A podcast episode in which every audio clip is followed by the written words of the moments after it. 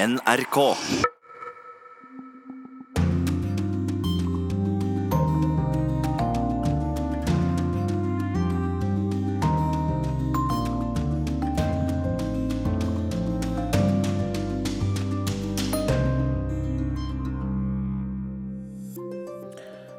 Dårlige nyheter, dem er det mange av, men her i Urix på lørdag skal vi i dag minne deg om de gode nyhetene også.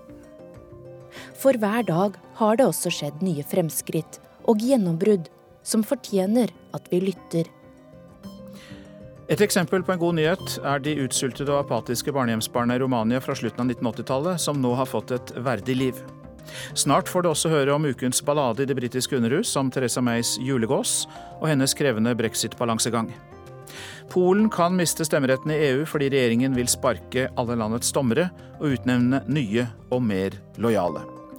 Sør-Afrikas største parti, ANC, fikk denne uken ny leder. Kan han utfordre president Jakob Zuma før embetsperioden hans er omme?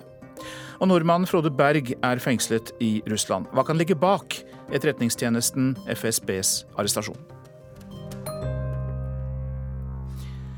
Øystein Heggen ønsker deg velkommen til eh, denne Urix på lørdag-sendingen, og legger til at korrespondentbrevet denne uka kommer fra Morten Jentoft og er postlagt i Ukraina. Men vi åpner i Storbritannia, for der tikker klokken mot brexit, som ubønnhørlig skal skje om ett år og fire måneder. Etter et turbulent år har statsminister Theresa May også hatt en turbulent uke, idet julen ringer inn i Westminster. Live effort, Mr. Speaker. Happy Christmas. Clive Efford får ordet i parlamentets siste spørretime. The Prime Minister told the Radio Times that on Christmas Day she likes to prepare and, and cook her own goose. I fjor sa statsminister Theresa May på radioen at hun liker å lage gås til jul, sier han. Kan jeg foreslå at for å få mest mulig glede ut av den grisete jobben med å støffe gåsa, at hun gir den navnet enten Michael eller Boris? Utenriksminister Boris Johnson og miljøminister Michael Gove er to ledende figurer i brexit-kampanjen, og har truet med bråk dersom May skulle gi for mye etter i brexit-forhandlingene i høst. Regjeringen er nemlig dypt splittet og vet ennå ikke hva slags brexit den vil ha. So,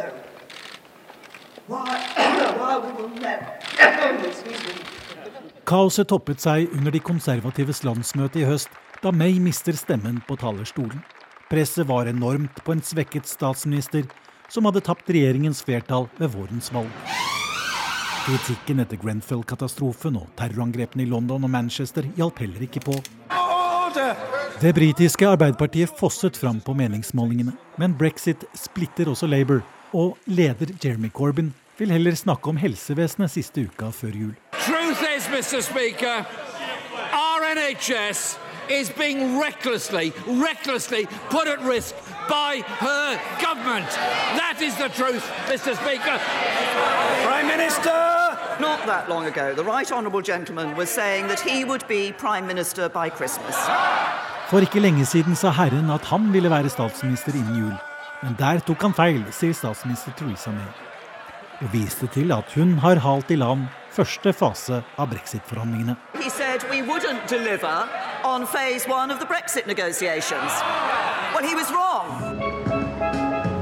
Ute i Londons gater er julelysene tent. Det skal handles inn til jul, men folk flest merker de negative konsekvensene av brexit. Mange er mer forsiktige i år fordi prisene stiger mer enn lønna. I haven't got the spare income anymore. The extra, everything's gone up so much. I think for how much you're paid, things are a lot more expensive than what you're getting paid. So the cost of living is going up and up and up, but the wage is going down. Og det var heller ikke slutt på de dårlige nyhetene for regjeringen til Theresa May. Visestatsminister Damien Green ble tvunget til å gå av onsdag kveld fordi han løy om porno på PC-en sin. Det er den tredje ministeren som går av i høst. Samtidig tikker klokka for alvor for brexit, som skal skje i mars 2019. Men May har bestemt seg for hva julegåsa skal hete i år. Uh,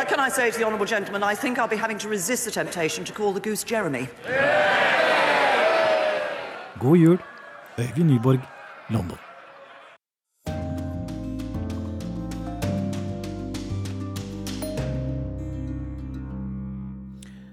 Her hjemme spør vi oss hva som ligger bak arrestasjonen av Frode Berg. Den tidligere grenseinspektøren har vært eh, engasjert i norsk-russisk kultursamarbeid, og ble pågrepet i Moskva av det russiske sikkerhetspolitiet FSB 5.12., anklaget for spionasje. Hvorfor, har jeg spurt historiker og leder av Russland-programmet ved Fridtjof Nansens institutt, Lars Rove. Hvis jeg skulle svart direkte på det spørsmålet, så ville jeg beveget meg inn i spekulasjoner veldig raskt. Eh, min første og kanskje eneste kommentar til det spørsmålet er at det er slett ikke slik at vi bør ta det for gitt at Frode Berg har gjort noe som helst. Eh, jeg syns at man eh, nå skal bare avvente det som måtte etter hvert komme fram fra FSBs etterforskning, i den grad noe kommer til å gjøre det i det hele tatt. Eh, jeg vil også tillegge at dette er en uhyre alvorlig situasjon for Frode Berg, selvfølgelig, personlig, og det eh, opplever jeg som eh, veldig vanskelig, og jeg føler med ham og hans familie akkurat nå. Men hva ønsker FSB å oppnå med arrestasjonen? Jeg tror det er viktig å forstå at Russland er et samfunn med ulike maktstrukturer som vil ulike ting.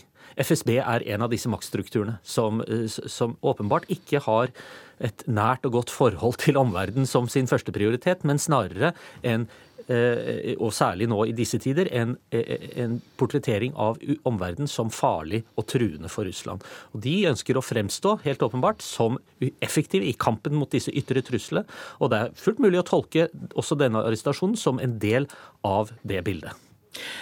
Men er det da nødvendigvis det samme FSB ønsker å oppnå, altså de hemmelige tjenestene i Russland, som ledelsen i Russland ønsker å oppnå? Ja, nei, altså Igjen så, så, så er det ulike maktstrukturer, og, det, og ledelsen eh, behøver ikke være eh, stille seg 100% bak dette. Disse strukturene opererer autonomt, men gjerne på vegne av ledelsen. Den eneste som kan eh, stoppe dette, er antagelig ledelsen. Ved, gjennom ulike signaler. Og dette er en lang prosess som har vart siden jeg vil si midten av 2000-tallet. Denne tendensen, ikke bare tendensen, men etter hvert også sterkere åpenbare strategien, som er å fremstille Russland som et land kringsatt av fiender. Dette har jo ledelsen i aller høyeste grad også kommunisert. Og dette, denne, denne, måten å se omverdenen, og dermed også seg selv på, eh, ble akselerert naturlig nok etter annekteringen av Krim. Så uh, vi snakker jo her om en, uh, en, prosess og en tidsånd i Russland som muliggjør denne typen handlinger fra de ulike maktstrukturene. Det er vanskeligere i dag å være forkjemper for et russisk-vestlig samarbeid enn det er å være den som slår ned på nettopp dette. Kommer da denne arrestasjonen til å prege samarbeidet mellom eh, Norge og Russland? Altså på, eh, vet, Så lenge det ikke da defineres som en sak mellom Norge og Russland, men som en sak mellom privatpersonen Frode Berg og, og, russiske myndigheter, så behøver de ikke nødvendigvis gjøre det. Men det er jo klart det er ikke noe god sak for dette forholdet. Eh, og sånn helt konkret så tror jeg det finnes enkeltområder som vil eh, preges av det, og da tenker jeg særlig på folk-til-folk-samarbeidet i nord, der privatpersoner må reise for å treffe hverandre i begge retninger. Jeg vil jo tro at denne opplevelsen Frode Berg har hatt, eh, eh, vil eh, dempe reiselysten til ja, kanskje, ja, nordmenn som vil reise til Russland. La oss gjøre en kontrafaktisk øvelse. Hvordan ville forholdet til Russland vært hvis vi tenker oss at annekteringen av Krim ikke hadde skjedd? Ja, Først og fremst må jeg da som historiker eh, reservere meg mot disse kontrafaktiske øvelsene, men, men, men eh, jeg skal være med på den lite grann. Eh, som sagt, tendensen har siden i hvert fall siden 2005, og kanskje enda sterkere i, russisk utenrikspolitikk siden 2007 og sikkerhetskonferansen i München, der Putin på en måte først uttrykte sin sterke ja, nærmest avsky for vestlige, vestlige, forsøk på å styre Russland i en viss retning gjennom disse, dette eh, demokratibyggingsarbeidet. Forholdet tror jeg ville vært anstrengt fremdeles. Det ville vært vanskelig å følge de samme linjene som norsk politikk overfor Russland siden 1991 har fulgt.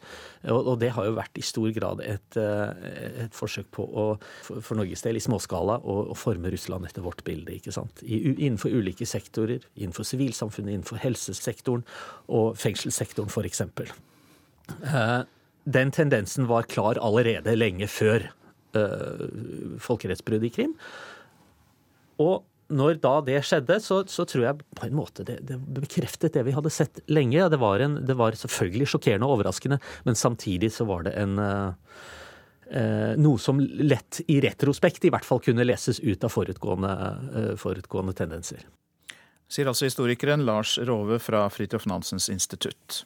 Og fra annekteringen av Krim til det østlige Ukraina, der brytes fredsavtalen hyppig, selv om observatører er på plass fra OSSE, Organisasjonen for sikkerhet og samarbeid i Europa. Krigen mellom russiskstøttede opprørere og ukrainske regjeringsstyrker har krevd 10 000 menneskeliv, halvparten sivile. Å overvåke partene kan være farlig, skal vi høre fra den tidligere norske observatøren Halstein Olsen jeg hadde iallfall ikke sett meg godt nok inn i, i situasjonen der nede. Eh, det, det, hadde jeg ikke. Og, og at det skulle være eh, så mye eh, tull og tøv der nede, det, det, det, kom egentlig som en overraskelse også på, på, på meg. da. Og det som er litt tragisk oppi det der, det er jo det at det er jo de færreste som kjenner til at det foregår en krig i Europa. Han er for lengst tilbake i hjembyen Harstad, 60 år gamle Halstein Olsen. Og den pensjonerte offiseren med lang erfaring fra en rekke utenlandsoppdrag er også ferdig med sitt siste oppdrag øst i Ukraina for Organisasjonen for sikkerhet og samarbeid i Europa, OSSE. Eh, og så plutselig så ser jeg at eh, fremste bilen løfter seg opp og Da eh, ser jeg jo da at bakre høyre hjul løfter seg opp uh, først. Uh, så kommer resten av bilen etter. Det var altså 23. april i år Halstein Olsen opplevde at det oppdraget han var satt til, å overvåke en skjør våpenhvile mellom de prorussiske separatistene i den såkalte folkerepublikken Luhansk og de ukrainske regjeringsstyrkene, ikke var ufarlig.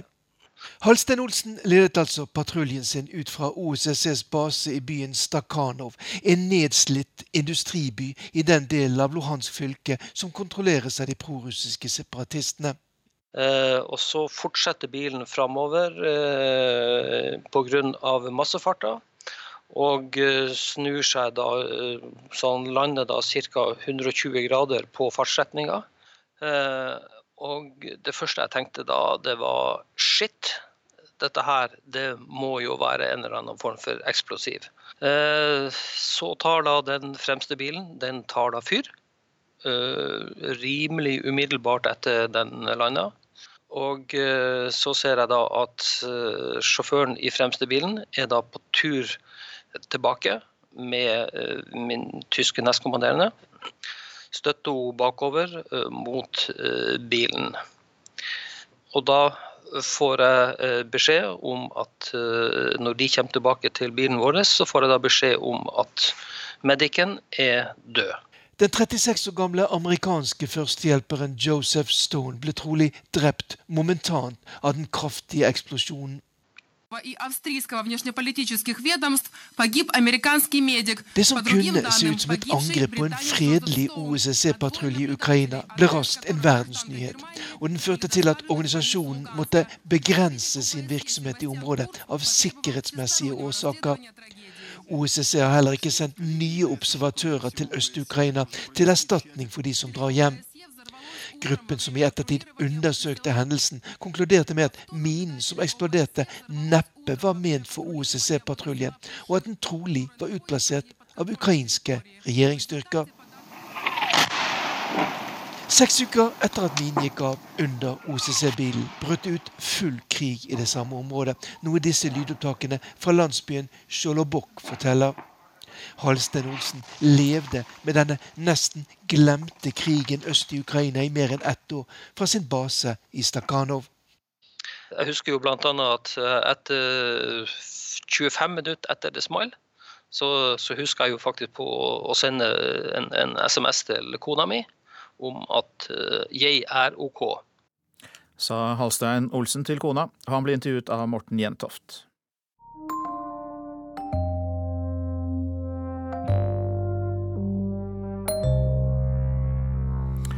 La oss eh, stoppe opp litt. Vi vet at dette året har rystet oss med terror, naturkatastrofer, skandaler og kriger.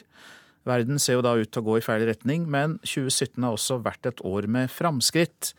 Følger du med, så får du godbitene til romjulens smalltalk om gledelige nyheter.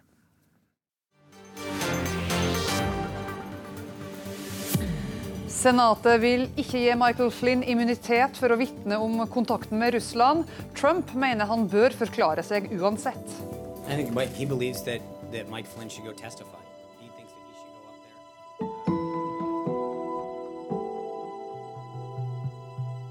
Fredag 31. mars.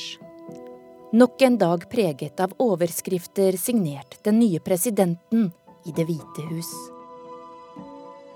Nok en dag med gjørmebryting på Twitter.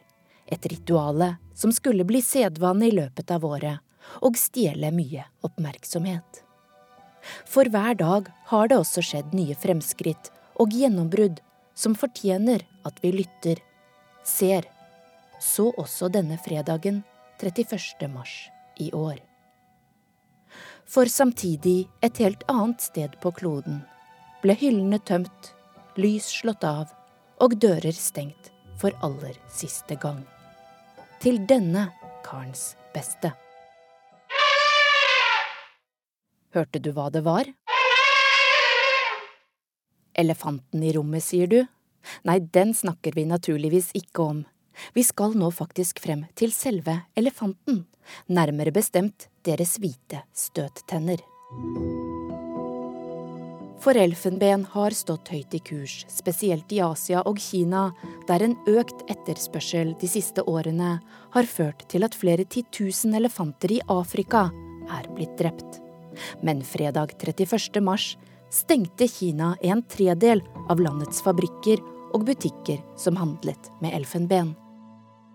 Og om få dager skal verdens største marked for lovlig handel med elfenben være historie. Det gir håp for utrydningstruede elefanter i både Asia og Afrika.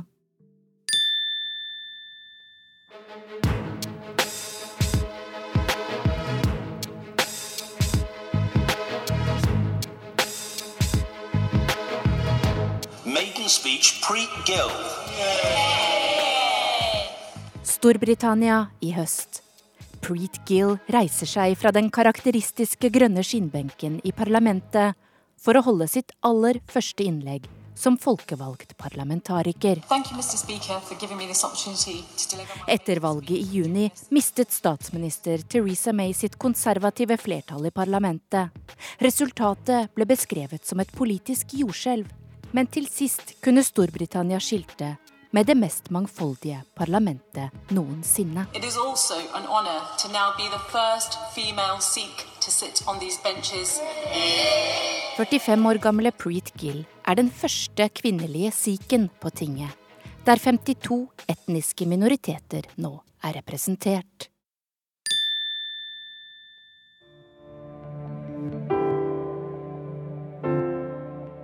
Nå Tunisia der den arabiske våren ble tent. Siden fulgte dialog, demokratiske valg og Nobels fredspris. I juli skapte de folkevalgte i Afrikas nordligste land igjen overskrifter internasjonalt da de vedtok å forby vold mot kvinner. Nær halvparten av alle tunisiske kvinner oppgir at de minst én gang har blitt utsatt for vold i nære relasjoner, men inntil i sommer var rettsvernet svakt. Voldtektsmenn kunne blant annet slippe straff dersom de giftet seg med offeret. Når den nye loven trer i kraft i 2018, gjelder den både fysisk, psykisk og seksuell vold. De klassiske røde bussene i Londons julepyntede gater har fått følge av nye miljøvennlige busser på biodrivstoff. For både britene og franskmennene satte seg i år fore å fase ut fossilbiler innen 2040. We have to get rid of petrol and diesel cars off our roads if we're going to make sure not only that we deal with the health problems that air pollution causes. Vi må få bensin- og dieselbilene bort fra veiene hvis vi skal kunne ta hånd om helseproblemene som luftforurensningen forårsaker, men også slik at vi kan takle klimaforandringene, sa miljøvernminister Michael Gove i høst.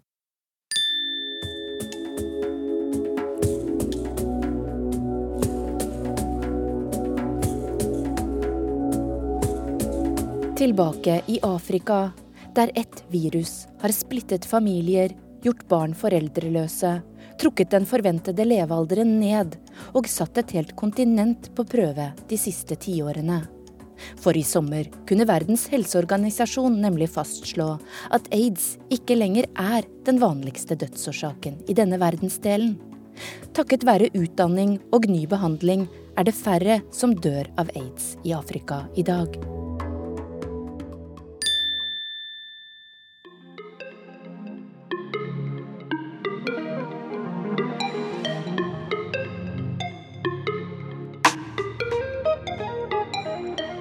Og også i Afrika står miljøvern høyt på agendaen.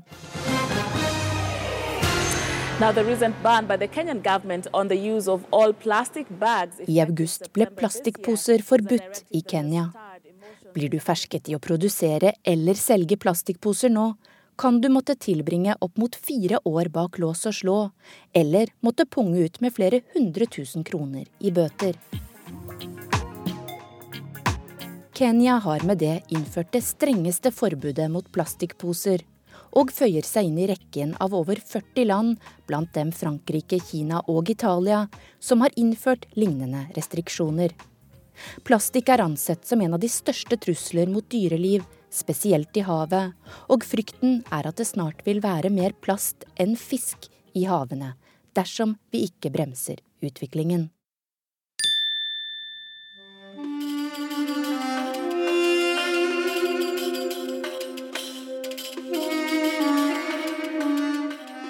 Vi runder av i Midtøsten, der det i høst ble utstedt et dekret fra kong Salman. Kongen vil nå tillate kvinner å sette seg bak rattet. Kampen for kvinners rett til å kjøre bil har pågått i en årrekke i kongedømmet, og gjentatte ganger har kvinner aksjonert for å illustrere forbudet, som internasjonalt har ført til mye harselas med landet. Verdens økonomiske forum plasserer Saudi-Arabia nær jumboplass når det gjelder likestilling. Og man håper at dette nå vil bli starten på en tid der kvinner kan få reise, arbeide, studere og få tilgang til helsehjelp uten å bli fulgt av en mann.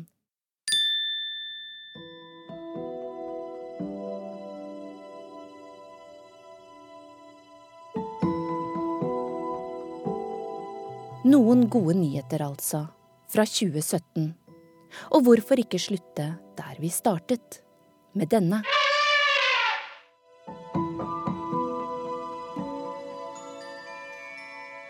Den romerske forfatteren, naturforskeren og fysikeren Plinius den eldre skrev i sin tid følgende om elefanten. Elefantene har noen egenskaper som man ikke engang ser så ofte hos mennesker nemlig ærlighet, fornuft, rettferdighetssans og respekt for stjernene, solen og månen. Kan vi kanskje håpe at nettopp 2018 vil få noen av disse egenskapene frem i mennesket igjen? Så blir det kanskje rom for å snakke om, ja, nettopp, elefanten i rommet.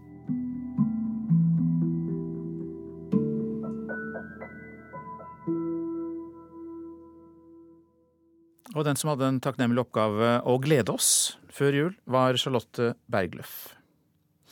Nå til eh, Sør-Afrika, for der ble visepresident Cyril Ramaphosa valgt til ny leder for regjeringspartiet ANC denne uken.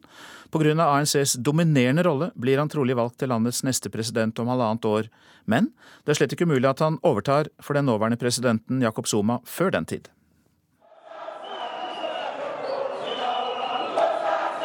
Et døgns forsinkelse i både stemmegivning, opptelling og omtelling la ingen demper på stemningen hos landsmøtedelegatene til ANC sist mandag. De kortet ned ventetiden med sang og dans. Så kom endelig resultatet. Nkosazana Dlamini Zuma received 2261 votes, and Comrade Cyril Ramaphosa received 2440 votes. 65 år gamle Cyril Ramaphosa kom seirende ut av en beinhard kamp mot sin eneste rival, Nkosasana Dalamini Suma, ekskona til president Jacob Suma. Ved landsmøtets slutt på torsdag lovet Ramaphosa å bekjempe korrupsjon og føre en radikal omforming av den økonomiske politikken. The policies that we have adopted are going to be the levers that we are going to use Cyril Ramaphosa er ikke bare visepresident, han er også en av Sør-Afrikas rikeste menn. Han er mangemilliardær med interesser i alt fra telekommunikasjon til medier til hurtigmat til gruver.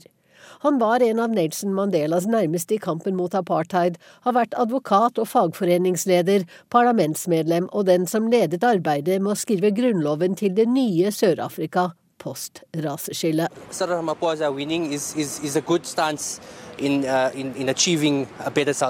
På gatene i Johannesburg tror sørafrikaneren Rias på en bedre framtid med Syl Ramaphosa. Vi er blitt frarøvet så mye tidligere, sier han til Reuters. Han sikter nok til den stadig mer upopulære presidenten Suma, som blir beskyldt for omfattende korrupsjon. It, it's, it's a new person. I think we've had uh, Jacob Zuma for the past for one, two terms, and it, those were the very the toughest time I think in South Africa's recent history. And now you have somebody new who has fresh ideas. Seieren til Ramaphosa er viktig, for han står for noe nytt. Tabi Leoka er fondsforvalter i Johannesburg. Sør-Afrika trenger forandring. And if that doesn't happen, I guess it'll be Uh, it, would, it. Nå er det altså ett og et halvt år til den nye ANC-lederen eventuelt overtar som Sør-Afrikas president. Eller er det det? Cyril Ramaphosa og Jacob Zuma kommer dårlig overens, og flere analytikere mener at partiet er lite tjent med en partileder og en president som står mot hverandre. Suma kan få sparken som president, slik Tabo Mbeki fikk i 2008 da Suma ble partileder. Han kan gå av, mer eller mindre frivillig, eller han kan bli sittende ut hele valgperioden. Da vil ANC kunne unngå en dyp splittelse i partiet, og heller satse kreftene på valget i 2019, mener noen. Change, you know, honest, uh, Lebohang Matawu håper på en endring med Syl Ramaphosa, ikke minst for de arbeidsløse. Han bor i en fattig township, og det er vanskelig der. Men den sørafrikanske valutaen rand er steget i verdi de siste dagene. Det må være et godt tegn, mener Fatavu. Reporter Wenche Eriksen.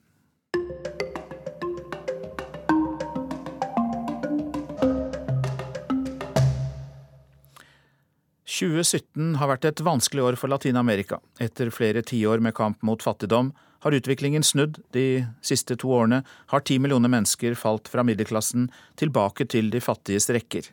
Arnt Stefansen i Rio de Janeiro har sett på utviklingen i tre av landene i regionen. Det er rolig i sentrum av Caracas. Etter de voldsomme demonstrasjonene som preget den venezuelanske hovedstaden tidligere i år, har det senket seg noe som minner om fred. Men det er noe annet. Det er håpløshet og resignasjon. Situasjonen er fryktelig, sier den 70 år gamle Elvira Jaramillo. Jeg gruer meg til jul, for nå er det vanskeligere enn noen gang å få tak i det man trenger for å leve. Det var ille før, men nå ser jeg fattigdommen på alle kanter, og ingen ser noen vei ut av uføre, sier 70-åringen. Og verst er situasjonen for de minste og svakeste. Hjelpeorganisasjonen Caritas Venezuela har gjennomført en undersøkelse som viser at halvparten av barn under fem år er rammet av underernæring, og organisasjonen kaller situasjonen i Venezuela en humanitær krise. Her er talskvinne Susanna Rafalli i Caritas.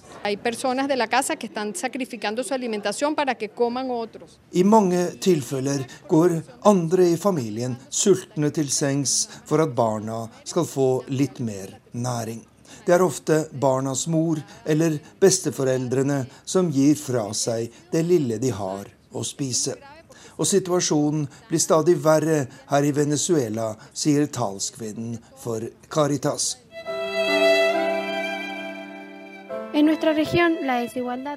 Venezuela er det mest dramatiske eksempelet på at Latin-Amerika er inne i en sosial krise med økt fattigdom og arbeidsledighet. Ifølge tall fra CEPAL, FNs økonomiske kommisjon for Latin-Amerika, er det blitt ti millioner flere fattige i dette området de to siste årene. Til sammen er det nå 186 millioner fattige i Latin-Amerika, ifølge CEPAL. Bendito é o fruto que é do vosso ventre, Jesus. Santa Maria, Mãe de Jesus. Det er i første rekke utviklingen i Brasil som forklarer økningen i tallet på fattige her i Latin-Amerika. Når en hjelpeorganisasjon her i Rio de Janeiro deler ut gratis frokost til byens fattige, er flere hundre uteliggere på plass. Mange av dem hadde inntil nylig en jobb og et hjem som den 37 år gamle tidligere mureren Carlos Alberto Silva.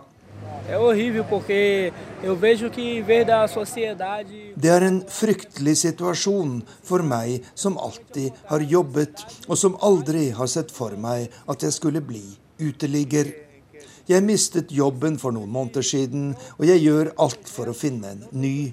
Men med økonomisk krise og skyhøy arbeidsledighet virker det umulig, sier han.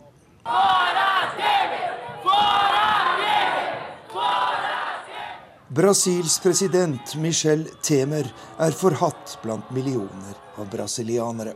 Etter at han overtok makten for halvannet år siden, har tallet på fattige skutt i været, og mange mener det er hans nyliberale politikk som er årsaken. Økonomen Edison Freire er langt på vei enig. Você tem um achatamento muito forte na classe mais baixa. Ele é quem sofre mais, o desemprego impacta mais para ele. Det er i første rekke de fattige som betaler prisen for den økonomiske krisa og for de offentlige nedskjæringene. Men årsaken til krisa er at prisene på råvarer har falt kraftig på det internasjonale markedet de siste årene. Økonomien til Brasil og andre land i Latin-Amerika er jo svært avhengig av høye råvarepriser, sier den brasilianske økonomen.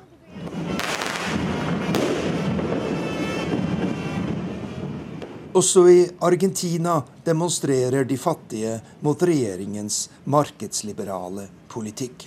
Her er tusener av mennesker samlet foran nasjonalforsamlingen i Buenos Aires for å protestere mot regjeringens forslag til en ny pensjonsordning. Dicen que no saben de dónde sacar la plata. La plata sí se puede sacar. De sier at det ikke finnes penger, men det er ikke sant, sier pensjonisten Ruben Gomez, som deltar i demonstrasjonen. Argentina er et rikt land, og det er ingen grunn til å ta penger fra fattige pensjonister, som ofte sliter med dårlig helse, sier han. Etter at sentrum-høyre-politikeren Mauricio Macri overtok makten for to år siden, har tallet på fattige økt i Argentina, men de siste månedene er det tegn til bedring. Og mange eksperter mener at Macris politikk er et positivt tegn i et Latin-Amerika der mye har gått den gale veien i 2017.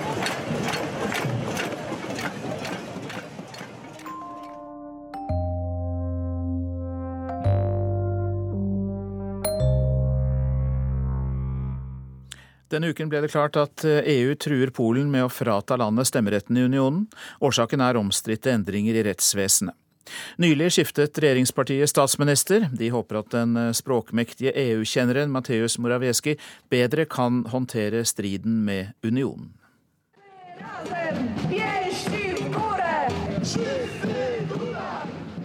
Og her hører vi protester utenfor parlamentet, men eh, innenfor fikk den nye statsministeren støtte.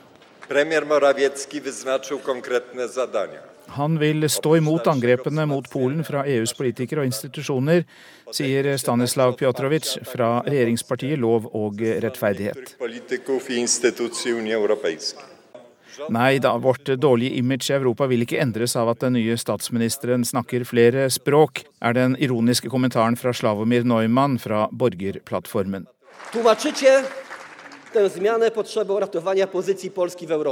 Statsministerskiftet er bare et bedrag, et maskespill. Stem på meg, sa Mateusz Morawiecki, og det gjorde parlamentet til slutt. Bardzo serdecznie proszę o udzielenie wotum zaufania dla naszego rządu. Dziękuję. Applaus til Polens nye statsminister. Og Eva Sarfi, universitetslektor i Sentral-Europa og Balkanstudier ved Universitetet i Oslo, sier dette om Morawiecki. Han er egentlig i utgangspunktet mer vestlig orientert. Og har veldig lenge vært veldig EU-vennlig. Så han er nå i en slags skvis, fordi han er på den ene siden positivt innstilt til EU. På den andre siden så representerer han altså en regjering som er forholdsvis EU-kritisk. La oss se litt på det Polen har gjort, da, som har utløst denne skepsisen i EU. Det Polen har gjennomført nå nylig, det er å for det første vedta at alle dommerne skal pensjoneres, uansett alder. Og det begrunnes da med at mange av disse er gamle. Og de ble innsatt allerede under kommunistperioden. Og at de har altså en fortid som man ikke vil ha noe å gjøre med. Det er det ene tiltaket. Det andre som de også har innført, det er at man skal velge et nytt såkalt dommerråd. Dommerrådet det er da en instans som utpeker alle de øvrige dommerne. Og dette dommerrådet skal nå utpekes av regjeringen. Så det betyr jo da at dommerrådet blir lojal mot den sittende regjeringen, og dermed så antar man at dette dommerrådet også kommer til å utpeke dommere i hele landet som også er regjeringssympatisører. Men hvilke saker er det da regjeringen ønsker at dommerne skal støtte dem i? Altså, for de ønsker jo da å politisere hele rettsvesenet, kan det se ut som? Ja, altså den, det verste scenarioet man ser for seg, det er at la oss si at opposisjonen får flertall ved valgene neste gang. Så kan man tenke seg at en del dommere setter foten ned og sier at dette var udemokratiske valg, eller at det har vært urett, uregelmessigheter ved valgene. Så det er på en måte det verste man kan tenke seg. Men ellers så er det veldig store deler av samfunnet som er politisert. Alt fra embetsverk til næringsliv. Altså at man tenker seg at forretningsfolk som har kontakter med opposisjonen f.eks. kan bli forfulgt i forhold til korrupsjonssaker. At man bytter ut embetsfolk som da er lojale mot opposisjonen. Sånn at her er det store muligheter for rettsvesenet å gripe inn. Men hvilke motkrefter er det i samfunnet som protesterer mot dette og ønsker å kjempe mot regjeringens forslag? Det er selvfølgelig først og fremst opposisjonen, altså opposisjonspartiet Borgerplattform. Men i Polen finnes det veldig mange ulike organisasjoner. Alt fra kvinneorganisasjoner, menneskerettighetsorganisasjoner, ulike organisasjoner i det sivile samfunn, fagforeninger også. Og mange av disse organisasjonene de klarer å mobilisere til mottiltak, demonstrasjoner. Sånn at her er det nok ganske sterke krefter som hele tiden mobiliserer imot dette. Dette Lov- og rettferdighetspartiet i Polen er jo et antiabort- og antihomofiliparti. Men hvilke andre saker er det partiet sanker stemmer på? Det er riktig at abortsaken, homofili og tradisjonelle familieverdier generelt står sterkt i dette partiet. Og det er kanskje det vi hører mest om. Men det er nok ikke det de sakene de sanker mest stemme på. Fordi det er slik at dette partiet også har en veldig sterk sosial profil. F.eks. så har de nå innført ulike ordninger for barnefamilier. Eh, sosiale ordninger for arbeidsledige. Eh, og generelt en rekke velferdsordninger. Eh, og det er egentlig hovedgrunnen til at dette partiet fikk flertall. For det var slik at den forrige regjeringen, som jo hadde en økonomisk politikk som førte til at Polen gjorde det bra økonomisk, altså Polen har hatt sterk vekst de senere år, men veksten og rikdommen er blitt veldig ulikt fordelt, og de sosiale skillene har økt. Og mange mener at det er hovedgrunnen til at, at, dette nye nasjonalt orienterte partiet har fått eh, flertall, fordi at det har en mye sterkere sosial profil. Hvis du skal eh, skue fremover, hva tror du kommer til å skje? Altså, du tror Om Polen mister sin stemmerett i EU, tror du det ender opp der? Hvis de bestemmer seg for å stemme over det, så blir det nok vedtatt. Og da blir dette iverksatt for første gang i EUs historie. Og det vil da gi et veldig klart signal også til andre land som utvikler seg i udemokratisk retning. Eh, og det kan jo kanskje være eh, positivt at EU for første gang virkelig setter foten ned. For det er noe EU har vært kritisert for, at EU ikke slår ned på antidemokratiske utviklingstrekk. Sa Eva Sarfi ved Sentral-Europa Balkanstudier, Universitetet i Oslo.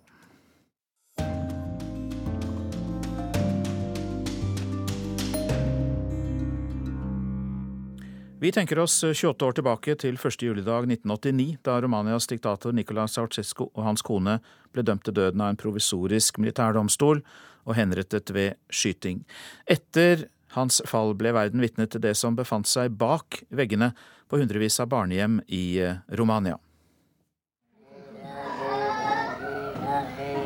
To barn rugger kroppen monotont fram og tilbake, fram og tilbake, og gjentar de samme lydene. De sitter i en gammel sprinkelseng av jern. Hele rommet er fylt opp med lignende senger og barn. Noen av barna sitter mens de stirrer apatisk ut i luften. Andre ligger bundet fast i sprinklene på både hender og føtter. Om det er jenter eller gutter, er ikke godt å si. Alle er skamklippet, klærne er møkkete, og det stinker urin. Et av barna blir ivrig når en voksen dame iført noe som kan minne om en lagerfrakk, setter fra seg en bøtte. Oppi bøtten ligger noe som i beste fall kan minne om en klumpete grøt. Damen tar en skje og begynner å mate ungene som sulten lener seg fram. De tynne barnekroppene vitner om lang tid med for lite næring. Bildene fra rumenske barnehjem rystet en hel verden på begynnelsen av 1990-tallet. Under diktatoren Nicolai Ceaucescos styre skulle kvinner under 45 år føde minst fem barn. Prevensjon var forbudt og fattigdommen stor. Det førte til at mange barn ble forlatt på institusjoner med minimalt med omsorg. Både barn som var utviklingshemmede og friske barn ble stuet sammen på institusjoner med totalt mangel på omsorg og stimuli. Det var først etter regimets fall i 1989 at sannheten om de forlatte barna ble kjent. Mark Weddington, som er sjef for den britiske stiftelsen Håp og hjem for barn, sier til nyhetsbyrået Associated Press at behovet for hjelp var enormt. When we began here in the late 90s, Um, there were approximately 105,000 children confined into the state orphanage system. Med over 100 000 barn på de umenneskelige institusjonene har utfordringene vært mange, både for det fattige landet Romania og for hjelpeorganisasjoner og frivillige i hele Europa som har prøvd å stille opp. 28 år etter diktatorens fall er de enda ikke i mål. Fattige familier leverer fortsatt sine barn til barnehjem. Men, forteller Verdington, tallet på institusjoner er kraftig redusert. Working with other national NGOs, local authorities and governments, we've now brought that down to just over 7,000. The EU is putting in approximately 120 million euros. Målet er at man innen ti år har kvittet seg med de siste statlige barnehjemmene i Romania. Til det bevilger EU 120 millioner euro i støtte, pluss millioner av euro fra hjelpeorganisasjoner både nasjonalt og internasjonalt. Fosterhjem får lønn for å ta seg av barnehjemsbarn, og det bygges mindre familiehus hvor de som ikke får en ny familie, kan bo med støtte av voksne. På et barnehjem i Bucarest strømmer smilende barn inn i et rom fylt med fargerike kunstverk på veggene. Barna setter seg ivrig ned, finner malersaker eller saks for å lage et nytt kunstverk. Alle er rene i tøyet, og jentenes hår er satt opp med fargerike strikker.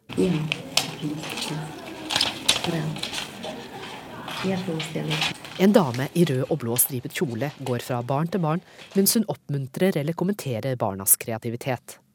I naborommet sitter tre barn rolig rundt et bord mens en dame serverer suppe i fargerike skåler. Det ser idyllisk ut, men lederen for barnehjemmet sier at selv om de har kommet langt, er skjebnen til barna ikke sikret.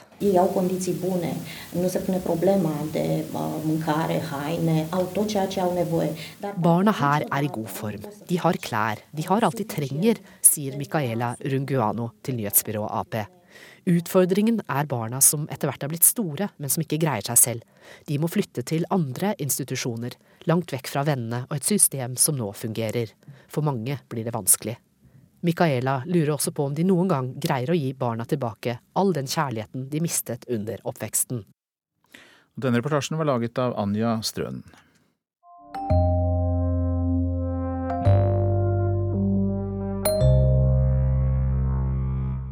Korrespondentbrevet denne uken er fra Morten Jentoft, eh, sendt til oss fra Ukraina. Selvfølgelig skal det handle om jul i dette korrespondentbrevet. Om julefeiring og tradisjoner, men også om jul og politikk. Og dessverre om jul og krig. For selv om alle, også i den delen av verden som jeg er satt til å dekke for NRK, er opptatt av at jul skal være en fredens tid, så blir det meste også satt inn i en politisk sammenheng. Det oppdaget jeg da jeg nå, litt tidligere i desember, sto utenfor Trekirken i landsbyen Tsjernitsa, en drøy time sør for Lviv, den største byen i Vest-Ukraina. Bare noen dager tidligere hadde den ukrainske presidenten Petro Porosjenko undertegnet loven som gjorde 25. desember til offisiell helligdag i Ukraina. Nå skulle ukrainerne få feire jul to ganger. Både 25. desember, som markeres av det store flertallet av verdenskristne, og den tradisjonelle ortodokse julen, som feires 6. og 7. januar.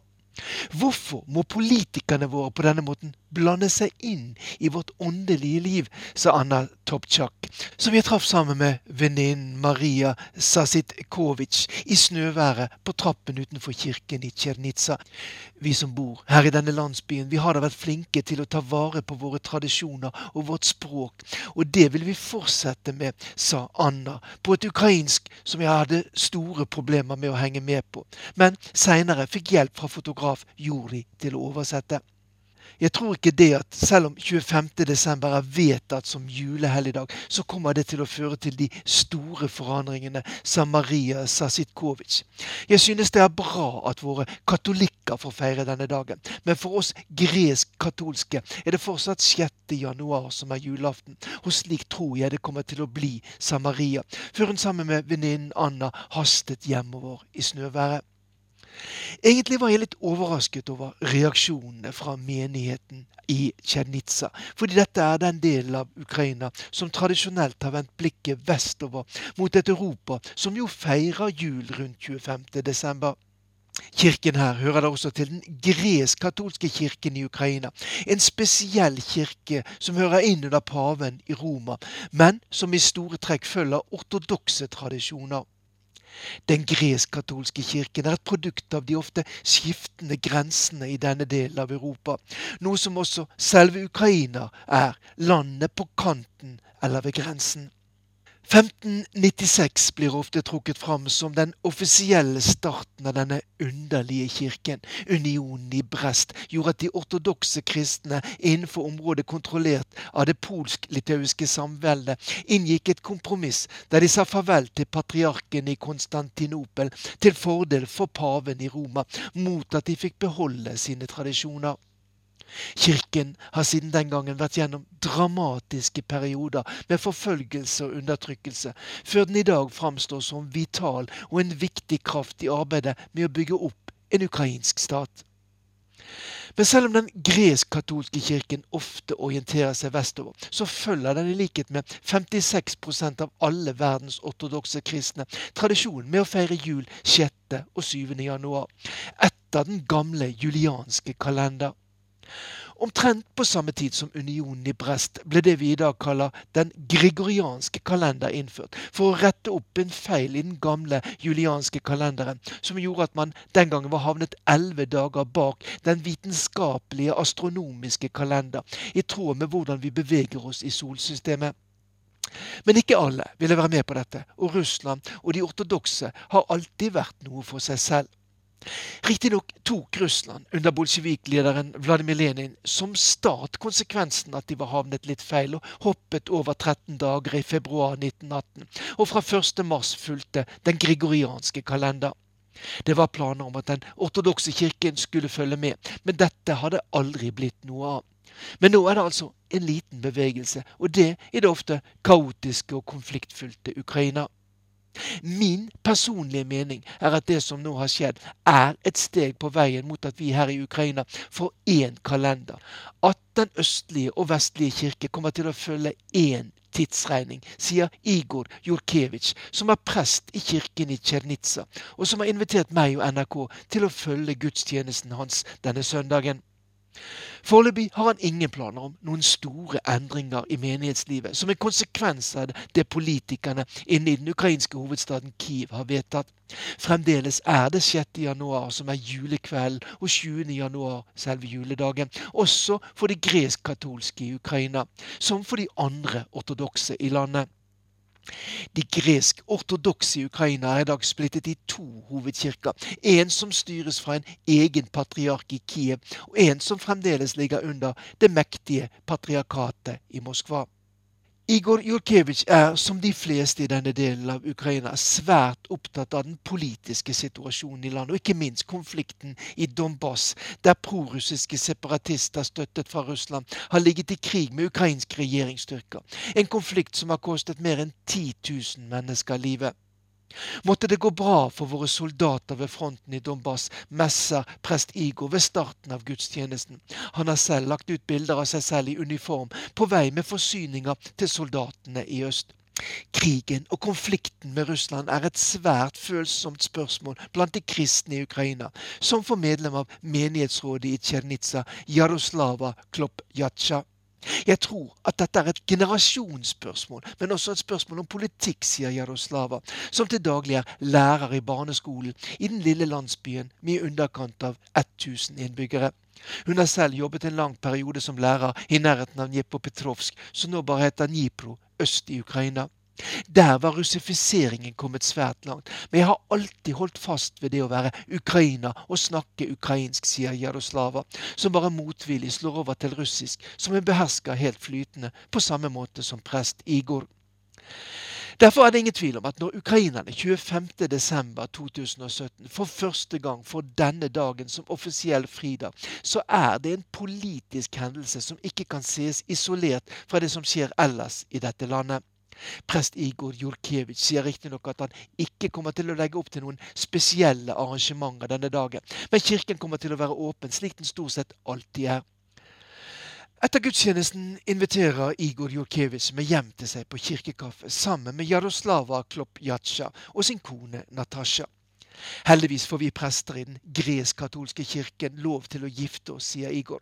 Hans kone er kollega med Jaroslava på skolen i Tsjernitsa. Jaroslava Klopjatsja forteller at de nok kommer til å skyve juleforberedelsene på skolen litt framover, slik at de er ferdig til den nye fridagen 25.12. Men ellers kommer hun til å feire jul på samme måte som de alltid har gjort, med å samle familien 6.1 til et måltid med tolv forskjellige retter. Den viktigste retten i et slikt ukrainsk julemåltid er kutja. En blanding av hvetekorn, honning, nøtter og av og til rosiner. Vi lager også en egen soppsuppe som vi kaller for jutsjka, forteller Jaroslava meg ivrig. Hun er en kvinne som tar tradisjonene på alvor, selv om hun altså ikke er fremmed for å flytte julefeiringen nesten to uker framover. Sammen med Igo synger hun også gjerne for meg noen av de tradisjonelle holatki, det vi kanskje i Norge vil kalle julebukksanger, som har en spesiell sterk tradisjon her i Vest-Ukraina. Jeg er i Tsjernitsa for å snakke om jul, men kan selvfølgelig ikke glemme at Ukraina er et land i krig. At nesten hver eneste dag ja, så dør det soldater ved fronten øst i landet, noe som nå knapt blir registrert av media i resten av verden. Mange av soldatene som ligger langs den nesten 500 km lange frontlinjen mot de prorussiske separatistene, kommer fra denne delen av Ukraina. Idet vi kjører ut av landsbyen, ser vi et minnesmerke med ukrainske flagg. I dag nesten dekket av snø. Planen er at de ukrainske regjeringsstyrkene og separatistene skal bruke julen til å utveksle fanger, i et viktig forsøk på å få til fred etter snart fire år med krig. Ingen andre steder i Europa er derfor ønsket om en fredelig jul sterkere enn her, i dette store landet øst i Europa. Igor Jorkevitsj vil gjerne vise oss det mest hellige stedet i Tsjernitsa før vi drar fra landsbyen. Jomfru Maria-kilden, et oppkomme med vann som skal gi styrke gjennom hele året. På julaften kommer nesten hele landsbyen hit, forteller Igor. Og selv om de nå på papiret har to muligheter til å gjøre dette, så tror han nok at det fortsatt er den gamle julen 6. januar som kommer til å dominere i lang tid ennå. God jul og godt nyttår ønsker Morten Jentoft fra Tsjernitsa, Ukraina. Og Lisbeth Sellereite, Oda Holm Gulbrandsen og Øystein Heggen laget denne sendingen.